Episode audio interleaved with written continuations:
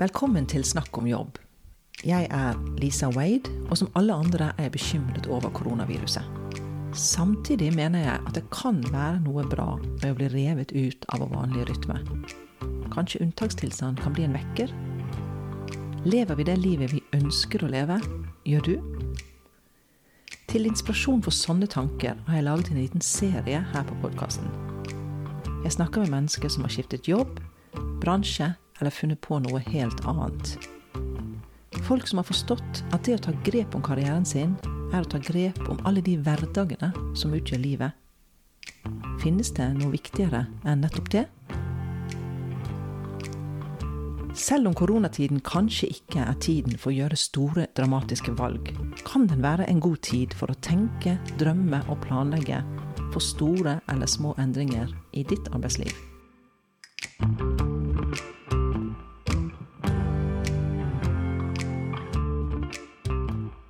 Velkommen til en ny episode av Snakk om jobb.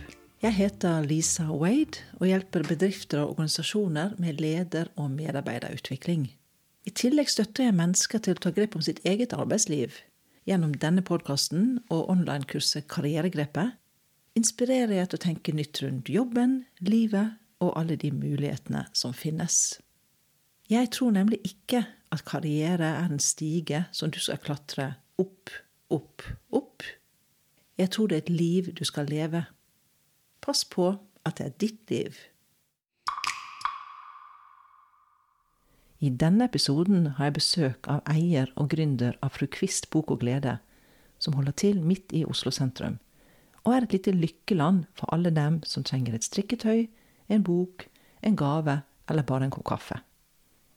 Fru Kvist er egentlig Berit Veiseth, som etter 21 år hoppet av en godt betalt lederjobb i et av Nordens største mediekonsern.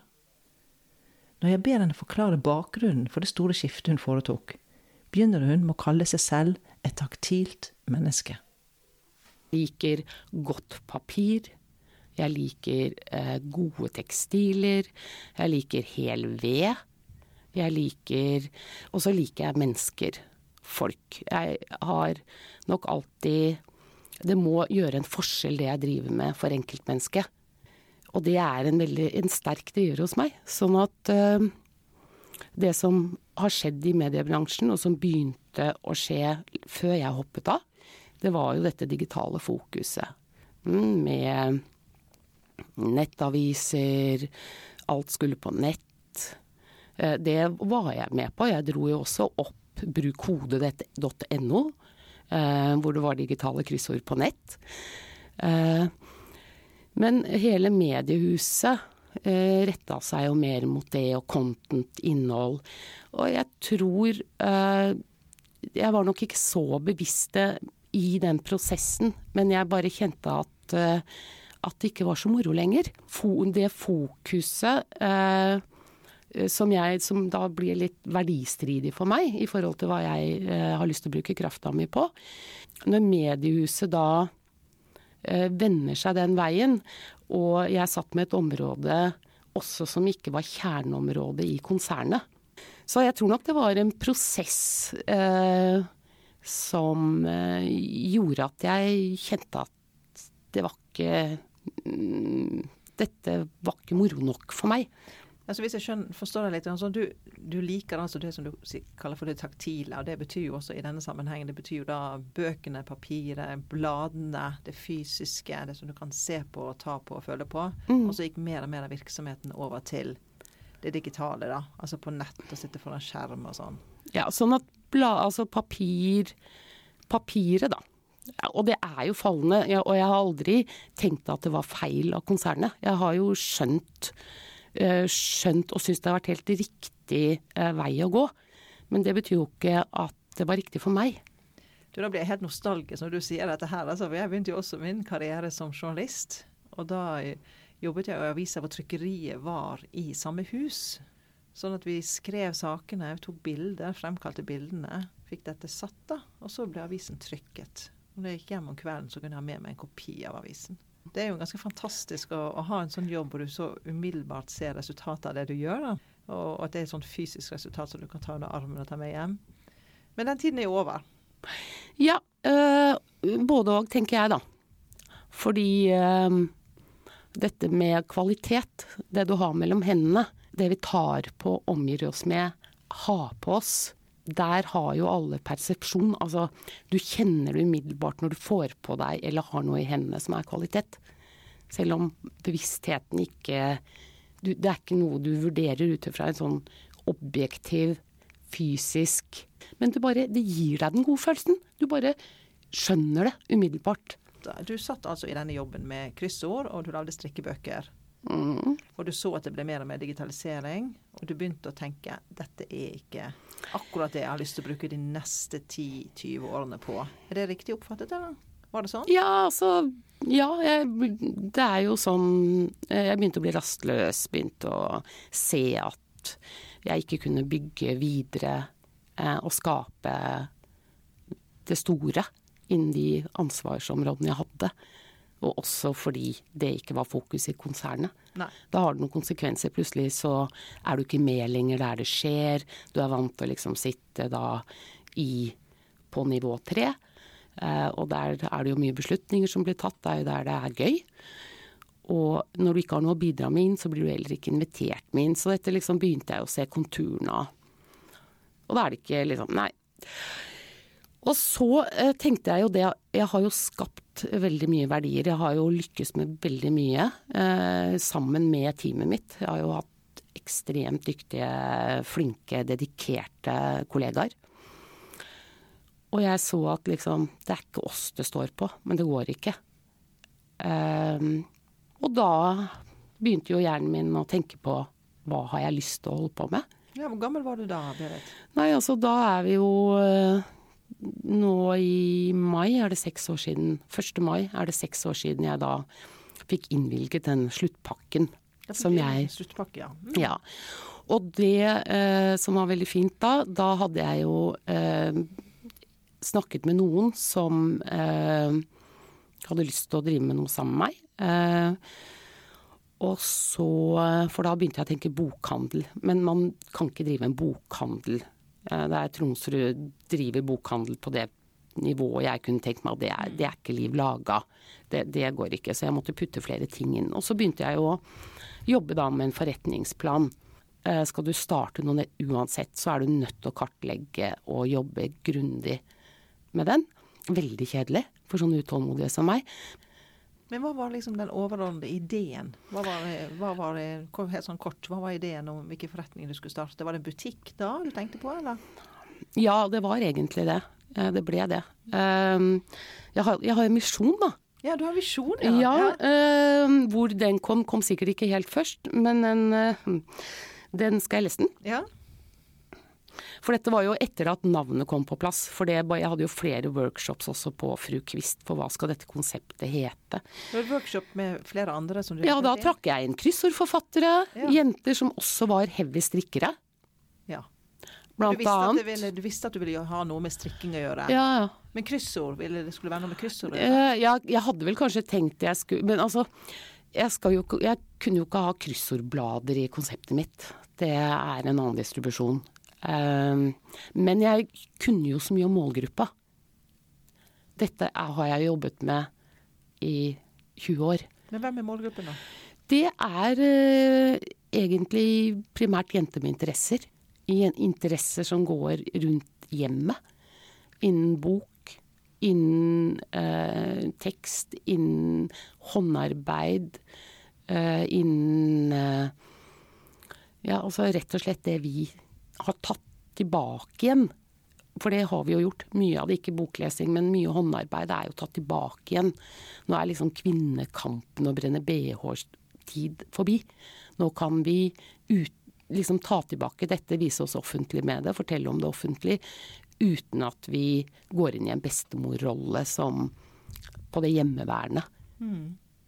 Så det Så hobbyer, kvinner med interesser, hobbyer og egentlig sansen for hygge, da. For det er litt Ja. hygge her også i Og så lage den derre lommen, du kalte det lykkeland. Uh, og det uh, Nå skulle jeg jo lese denne visjonen min, Ja, men gjør det. Les den. Ja, fordi uh, Fru Kvist, Bok og glede, skal være den beste og mest kundeorienterte aktøren på kvinners interesser innen bok og skaperglede. Det betyr at vi gjennom våre butikker, varer, tjenester og aktiviteter skal glede, inspirere og veilede kunder og samarbeidspartnere. Samtidig som vi skal lage, skape langsiktige verdier for oss alle. Jeg syns den er ganske god, jeg. Ja. Veldig fin. Ja, Veldig sånn fin. selv eh, fem år etterpå. Det holder virkelig. Og jeg liker det at du har butikker og sånn, så du har liksom satser. Du, du, du satser Ja, jeg tenkte, jeg tenkte kjede, da. Eh, men det skjønte jeg jo eh, ganske fort. At det er ikke noe um, Altså, kjede er ikke noe jeg ønsker eh, å skape. Det, skal du drive retail i dag, så tror jeg at du må tenke event. Du må tenke Det er mer som et eventsted. At det skjer noe i butikkene, liksom. Ja, og rundt oss, rundt konseptet. Ja, for butikker endrer seg jo veldig. Ja, og, og det som er rart, for dette det snakker vi mye om, vi kaller oss kvistere, da. Vi er jo faktisk nå eh, ti-ni ansatte. Men dette er jo fantastisk. Du, vi må gå inn, ordentlig inn på det. Men altså, det, du startet rett og slett opp da. Du hadde workshop, du lagde en visjon. Mhm. Du fant målgruppen din, og det var en målgruppe du kjente veldig godt. Mm. Kjenner jo driverne. Ja, Mm. Hva de vil, hva de ønsker seg. Ja. Og så eh, fant du lokale Men du har jo et lokale midt smekk i sentrum, da. ja, nå er det det, men det var jo ikke det. Hvor var det først, da? Nei, det var der. Men eh, nå vi jo, ligger jo i Kvadraturen. Og Kvadraturen har ikke vært smekk midt i sentrum før eh, ganske nylig. Eh, nå er det jo gågate. Eh, jeg har jo ikke akkurat hatt så lett start. Første, vi åpnet da dørene 1.11.2015. I våren 2016 begynte de å grave. Like etterpå, altså. Ja, eh, og jeg hadde jo da gjerder midt på fortauet. Jeg brukte jo gjerne og dekorerte jo de så fint jeg kunne med modeller og kurver og blomster, og, men det var jo ingen som gikk der. Jeg måtte jo liksom flere ganger i uka løpe og si at liksom det der skiltet med 'vennligst benytt fortau' på andre siden eh, var litt drepende for meg. Mm. Og den gaten ble jo gravd opp og tettet igjen i hvert fall to ganger. Um, dette, hvor lenge varte dette her, den gravevirksomheten rett utenfor butikken? Vel, jeg tror jeg fikk tilbake at gaten før eh, jul. Og så eh, Og så skulle, ble det jo bestemt at det skulle bli gågate. Da ble det jo graving igjen. Men nå er det jo gågate, da. Og det er jo ganske bra. Ja, det er veldig, veldig hyggelig. Og med kunst, og det er jo blitt en nydelig gate. Så nå er jo gata midt i sentrum. Mens for da, før så var det jo ikke et sted man gikk hvis ikke man måtte. Med beliggenhet. Så det gjorde jo faktisk at jeg forelsket meg i det lokalet, for det gjorde jeg jo. To etasjer, klønete, for butikk, dårlig Altså, det er jo Men det har jo så sjel. Ja, det er ikke sånn streit minimalistisk eh, lokale. Det er det ikke. Nei, og med meg, og med det som vi har kommet med inn, så er det i hvert fall ikke minimalistisk. Her er det noe overalt. Ja, fortell. eh, Hva er det du selger i butikken din? Nei, altså øh, Og dette var jo konseptet. Det er fire stolper. Og det er jo da garn, øh, bøker, så er det leker og interiør. Eh, bøkene har vi jo lesegaranti på. Altså jeg vil helst lese alt. Sånn at det som går ut av butikken generelt, skal jeg personlig innestå for er et, en god ting. Mm. Sånn at bøkene Jeg er veldig glad i bøker med et historisk bakteppe. Man skal lære noe. Eh, Lekene, det er jo ikke batteri, ikke plastikk. Det er tre, metall. Eh, garnet, eh, enda litt grann sånn nylonforsterkninger, men ellers er vi jo veldig streit Altså det skal ikke være syntetiske ting i garna våre. Og på interiøret så er det jo også ting du ikke har sett før. Jeg har kjøpt og kjøper mye fra Nederland. Det kan man jo se, men det er jo så lekent og gøy og, og fin kvalitet og gode ting. Og så skal det være ålreite priser, da. Så pakker vi inn veldig pent, altså bruke gamle noter og Vi skal liksom inspirere 360 grader hele veien. Og så står det alltid kaffe på kanna. Det har det vært siden dag én, og helst noe kjeks og noe vann. Sjokolade. Sånn at når man kommer inn, så Det er jo et ganske eh, spesielt konsept, for det er ganske bredt på et vis. Men samtidig ser det ut som kundene kommer jo i massevis. Jeg var jo innom Mm. der en tur, og det var jo masse kunder der. Og jeg har skjønt Mm. at, uh, at du har eh, bra aktivitet, at du har truffet noe som Ja, og det har vi jo gjort fra første stund. Uh, sånn at uh, vi har jo enda uh, veldig mange av de som kom veldig tidlig. Og den gangen i begynnelsen så var det jo tid til den gode samtalen. Det er jo nesten sånn jeg kunne sett, satt meg ned og skrevet en, en bok om mange av de menneskemøtene jeg har hatt gjennom. Nå løper vi jo mer, og vi er mange. Men det er viktig. Alle skal bli møtt med hei. Alle skal få hjelp. Eh, alle Det er viktigere at eh, kunden, eller gjesten vår, vi kaller det for gjester, vi har jo egentlig lyst til å kalle oss vertshus, faktisk. Fordi alle som kommer inn skal bli tatt imot som om de er våre personlige gjester. Men Berit, tilbake litt til deg og din prosess. For du, du jobbet altså i et stort konsern. Det var en trygg jobb. Mm. Du har hatt i mange år som du kunne veldig godt. Eh, sikkert med god pensjon og alle mulige sånne ting. Og så tar du altså et steg ut i det egentlig ukjente. Mm. Starter opp noe helt nytt. I en tid hvor de fleste butikker legger ned. Du starter butikk, ja. og du blir leder og ansetter folk. Hvordan har denne prosessen vært for deg? For nå har det gått en fem-seks år? Ja, vi, det er eh, nå 1.11 blir det fem år siden vi åpnet dørene første gang. Trives du i ditt nye liv? Vet du hva, jeg nå må jeg jo få lov til å poengtere at jeg egentlig alltid har trivdes. Jeg, eh, jeg ligger jo alltid i forkant. Eh, og det tenker jeg er faktisk noe som leder Når du er en leder i, av type, så gjør du det. Du ligger alltid litt foran og tenker dersom at det, hvis om at det.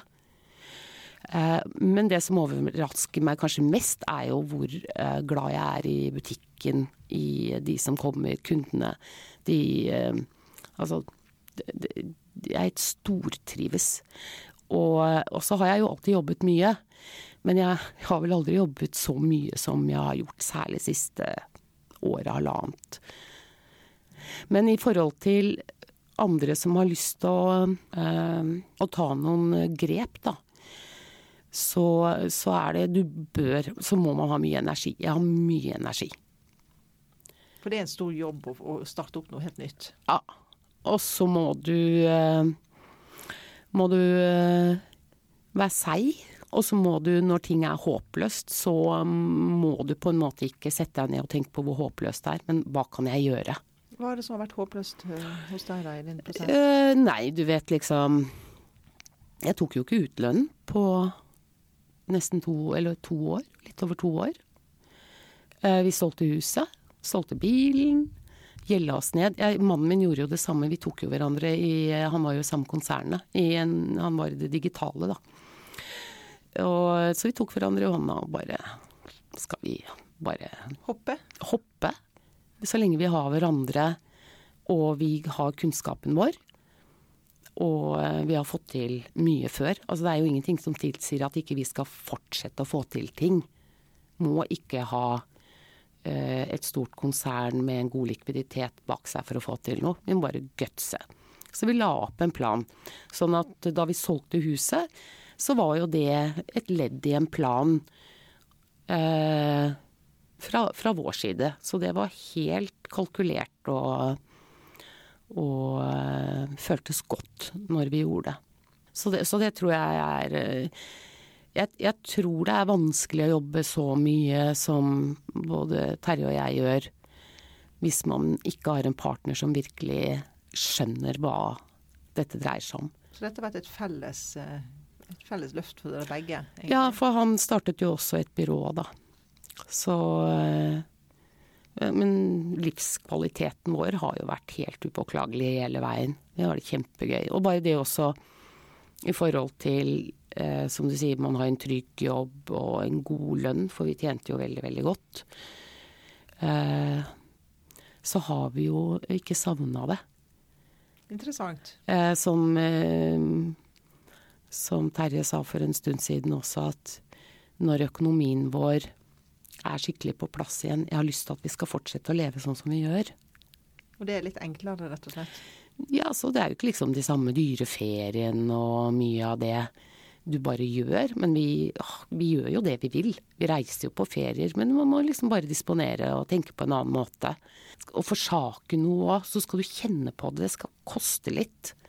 Fortell litt om de, liksom, hverdagen din. En typisk hverdag eh, hos eh, fru Kvist. Eh, det, står du i butikken fra morgen til kveld, eller er du ute på messer, eller eh, hva, hva driver du med? Nå snakker vi om fru Kvist. Jeg har jo starta opp et firma til. Hva er det for noe, da? Du, eh, Det heter da Mauds Manufaktur. Ok. Mm, eh, og det er da eh, et sånn B2B, altså business to business, med strikkepinner og strikketilbehør til andre garnbutikker.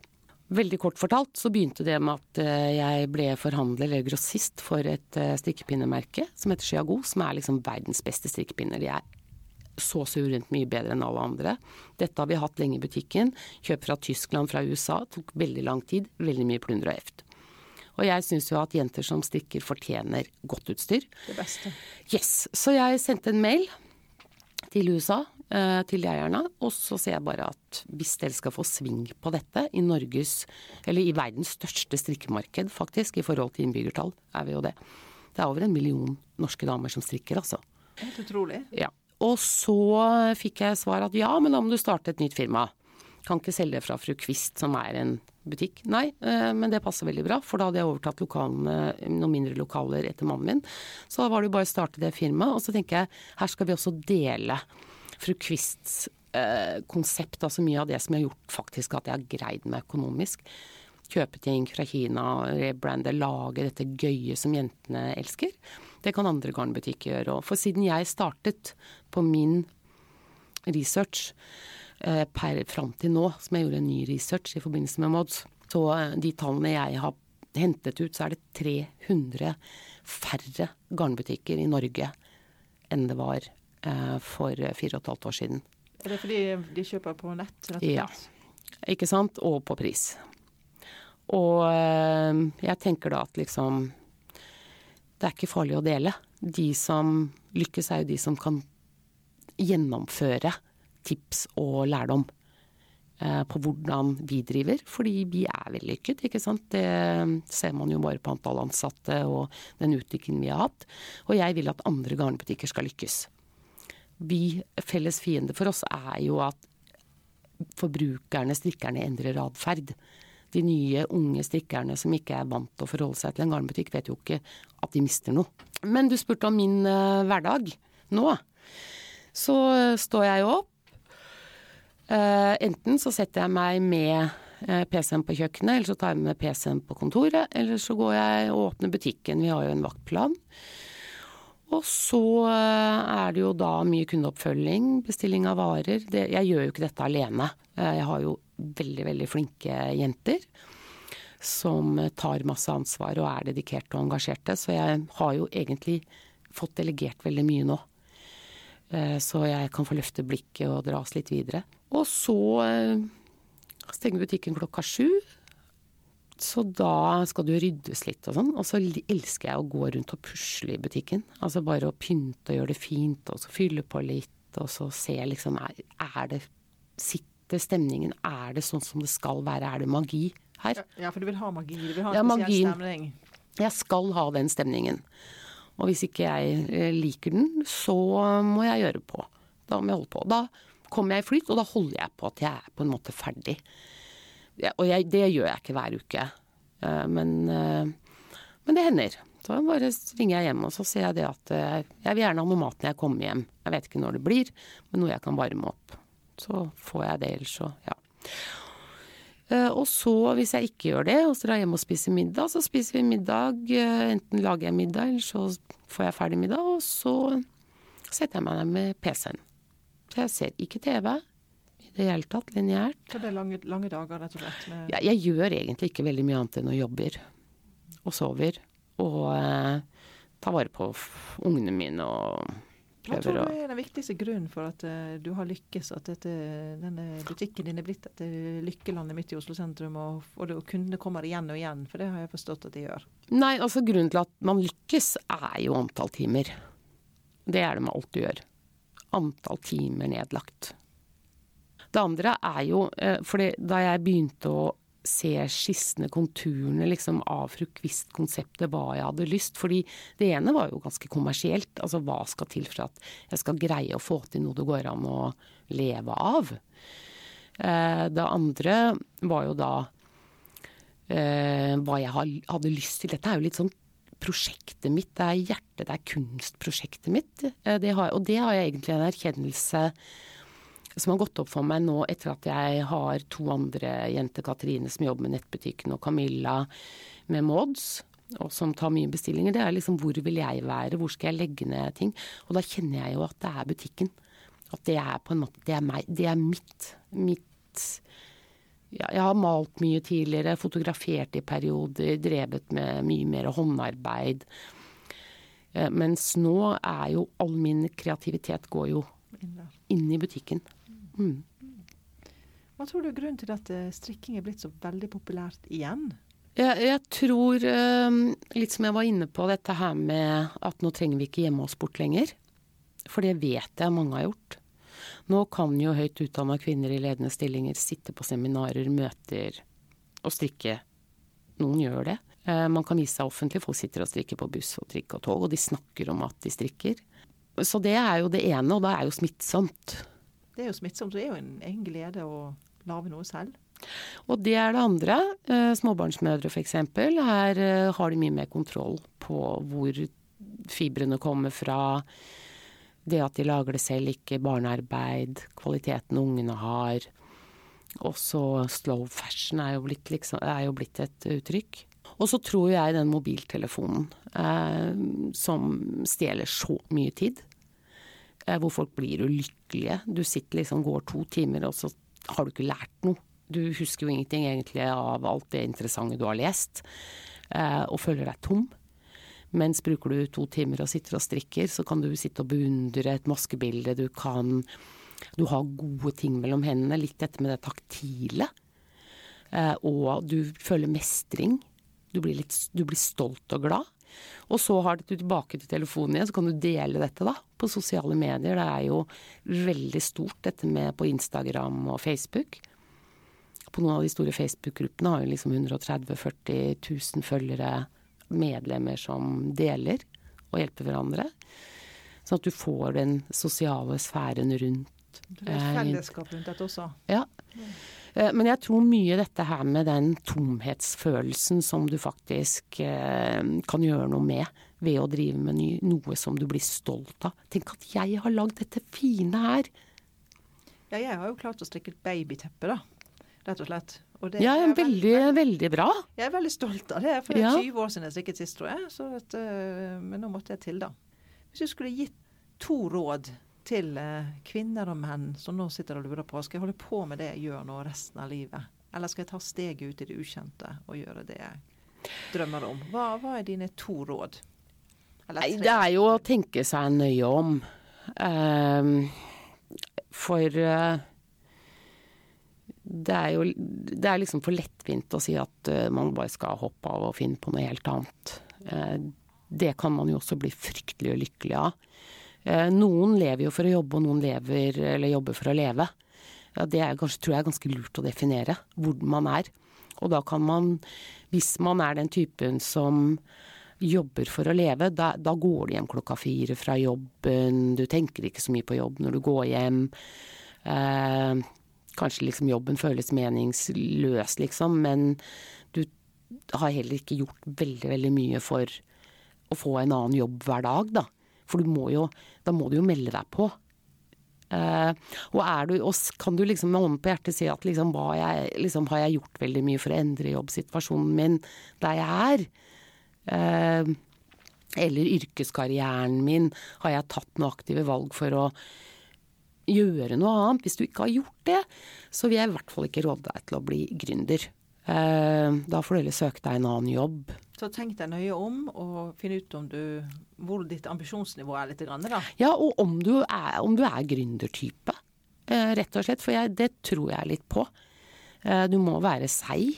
Du må være løsningsorientert. Du må være nøktern. Eh, for det er jo klart det er gøy med inntekter, men det viktigste du gjør er jo å holde knallhardt fokus på kostnader. Så, så men, jeg tror jo det å ta et karrierevalg bort fra om du har en høy utdannelse og føler at denne må du bruke, og så kanskje drømmer du om å bli, trikkefører, da. Eh, eller sant, at man ikke bruker det derre statusen, for det, det, tror jeg sikkert mange syns at jeg hadde, hadde et statusfall fra å liksom eh, drive en butikk fra å ha en, en vellykket karriere i et stort mediekonsern. Ja, hvordan har du opplevd det? Har du skjønt det på en måte på kommentarer eller blikk, eller var det bare Nei, jeg, jeg, tror ikke jeg egentlig har lett etter det eller sett etter det. Um, uh, ja, jeg, nei, fordi for meg så så tror jeg i det øyeblikket jeg liksom slapp det taket uh, fra bryggekanten, fra alle media, så uh, har jeg liksom svømt så på egen kjøl. Da jeg, og da har jeg bare holdt fokus på mot og retta mot Ikke egentlig på lykkes eller noe, men det er bare å gjøre. Bare få til og Og jeg må jo si at uh, vi hadde en sånn sammenheng her hvor liksom, hva er du mest stolt av? Uh, det var et spørsmål som bonusdatteren min måtte svare på. Og da å hjelpe henne å definere liksom hva er å være stolt hva er virkelig å være stolt av noe man har fått til? Og så var det liksom ja, men du da, Berit. Jeg vet hva jeg er mest stolt av? At jeg, når det gikk to og tre timer Jeg hadde kanskje fem kunder innom på en dag, eller den lørdagen datteren min og jeg gjorde på kassa, hadde 247 kroner på kassa på en lørdag. At jeg holdt ut. Og at jeg ikke har mista motet. At jeg hele tiden har gjort noe. Selv om jeg, altså jeg satt på Karl Johan med strikketøyet og en roll-up, og satt liksom med de største pinnene og garnet, og det er en strikkebutikk der nede, liksom. For å skape oppmerksomhet og få folk til å Og så gjøre noe! Bare å gjøre noe. Uh, ja. Og det er jeg stolt av. At jeg aldri har gitt opp. Og en lykkedag var for et par år siden den sommeren uh, hvor jeg hadde Candy Crush på telefonen. Og det reddet jo uh, My Sane, hva heter det for noe? Altså ja, du holdt det ja, På grunn av at du hadde Candy Crush på telefonen? Ja, fordi da slapp jeg å liksom tenke. Butikken var ryddig, det var priser overalt. Alt var helt strøken. Bare kom. Ingen kom. Dette var jo også i juni, ikke sant.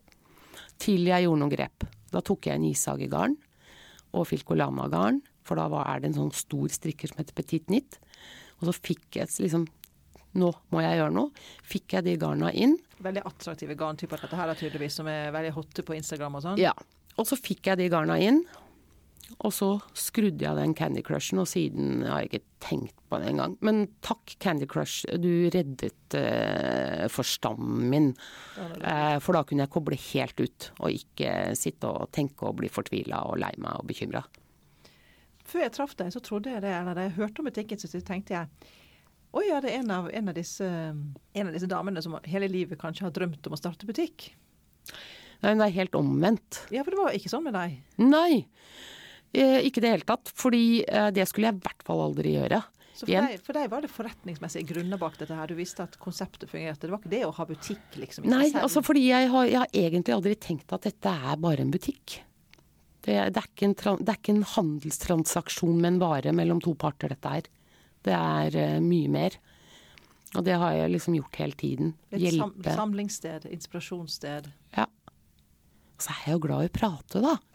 Du møter mye folk? Jeg gjør jo det. Uh, og det er liksom ja, og det er så deilig, den derre gode følelsen å se hvordan de som besøker oss Altså, de er så glad når de går ut. Jeg er også min tante Astrid, som jeg kalte tante Astrid, Astrid Thomas, har jo vært sånn farge, det er vakker-guru i Norge. Hun og jeg har alltid vært veldig tett. Og jeg har jo gått en beinhard skole hos henne, så jeg er også, via både henne og mine tidligere, det jeg har jobbet med, alltid eh, blitt eh, veldig bevisst dette med farger og varmt og kaldt og hva man kler og hva som passer sammen. Sånn at alle får fargeråd. Ikke sant? Og dette tror jeg også bare ligger i, i, meg og de andre som jobber der. Vi snakker mye om det, bruker mye tid på dette. Sånn at målet mitt er, når du kommer inn og skal strikke noe til deg selv, er at du skal gå ut i posen med et garn som er det kuleste du har strikket med noen gang. og du skal mestre at oppskriften ikke er for vanskelig. Du skal få et eh, ferdig resultat som du bare elsker, og når du får opp deg dette resultatet og går ut, så skal du ha mer komplimenter for det enn noe annet du har stikka noen gang. Hvis det skjer, da er målet mitt oppnådd, og så kommer du tilbake. For dette vil du ha mer av, og så har vi det gøy. Så det er litt sånn vinn-vinn på det. Fantastisk. Jeg tror jeg må få meg et nytt strikketøy her også.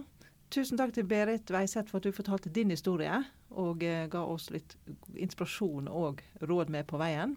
Tusen takk for at jeg vil, eh, fikk lov å komme. Kvist ligger altså i hvilke gate, Berit, i Oslo? Øvre Slottsgate, rett ved eh, Stenåstrøm, rett nedenfor Egertorget. Ja. Så besøk det neste gang dere er i byen eller i Oslo. Takk også til deg som hørte på. Har du lyst til å høre flere podkaster om mennesker som på ulikt vis endrer arbeidslivet sitt, kan du gå inn på nettsiden min, lisaway.no podkast, og se etter de episodene som er lagret under vignetten Karriere. Hvis du lurer på om du er på rett kurs med ditt arbeidsliv, så kan du gå inn på min nettside og ta en gratis karrieresjekk. Da får du en pekepinn på om du skal gå, bli eller finne på noe helt annet. Du finner den på lisawade.no, som skrives Lisa Vade med W i ett ord. For husk, karriere handler om alle de dagene som utgjør livet. Ditt liv. Og det er vel få ting som er viktigere enn det?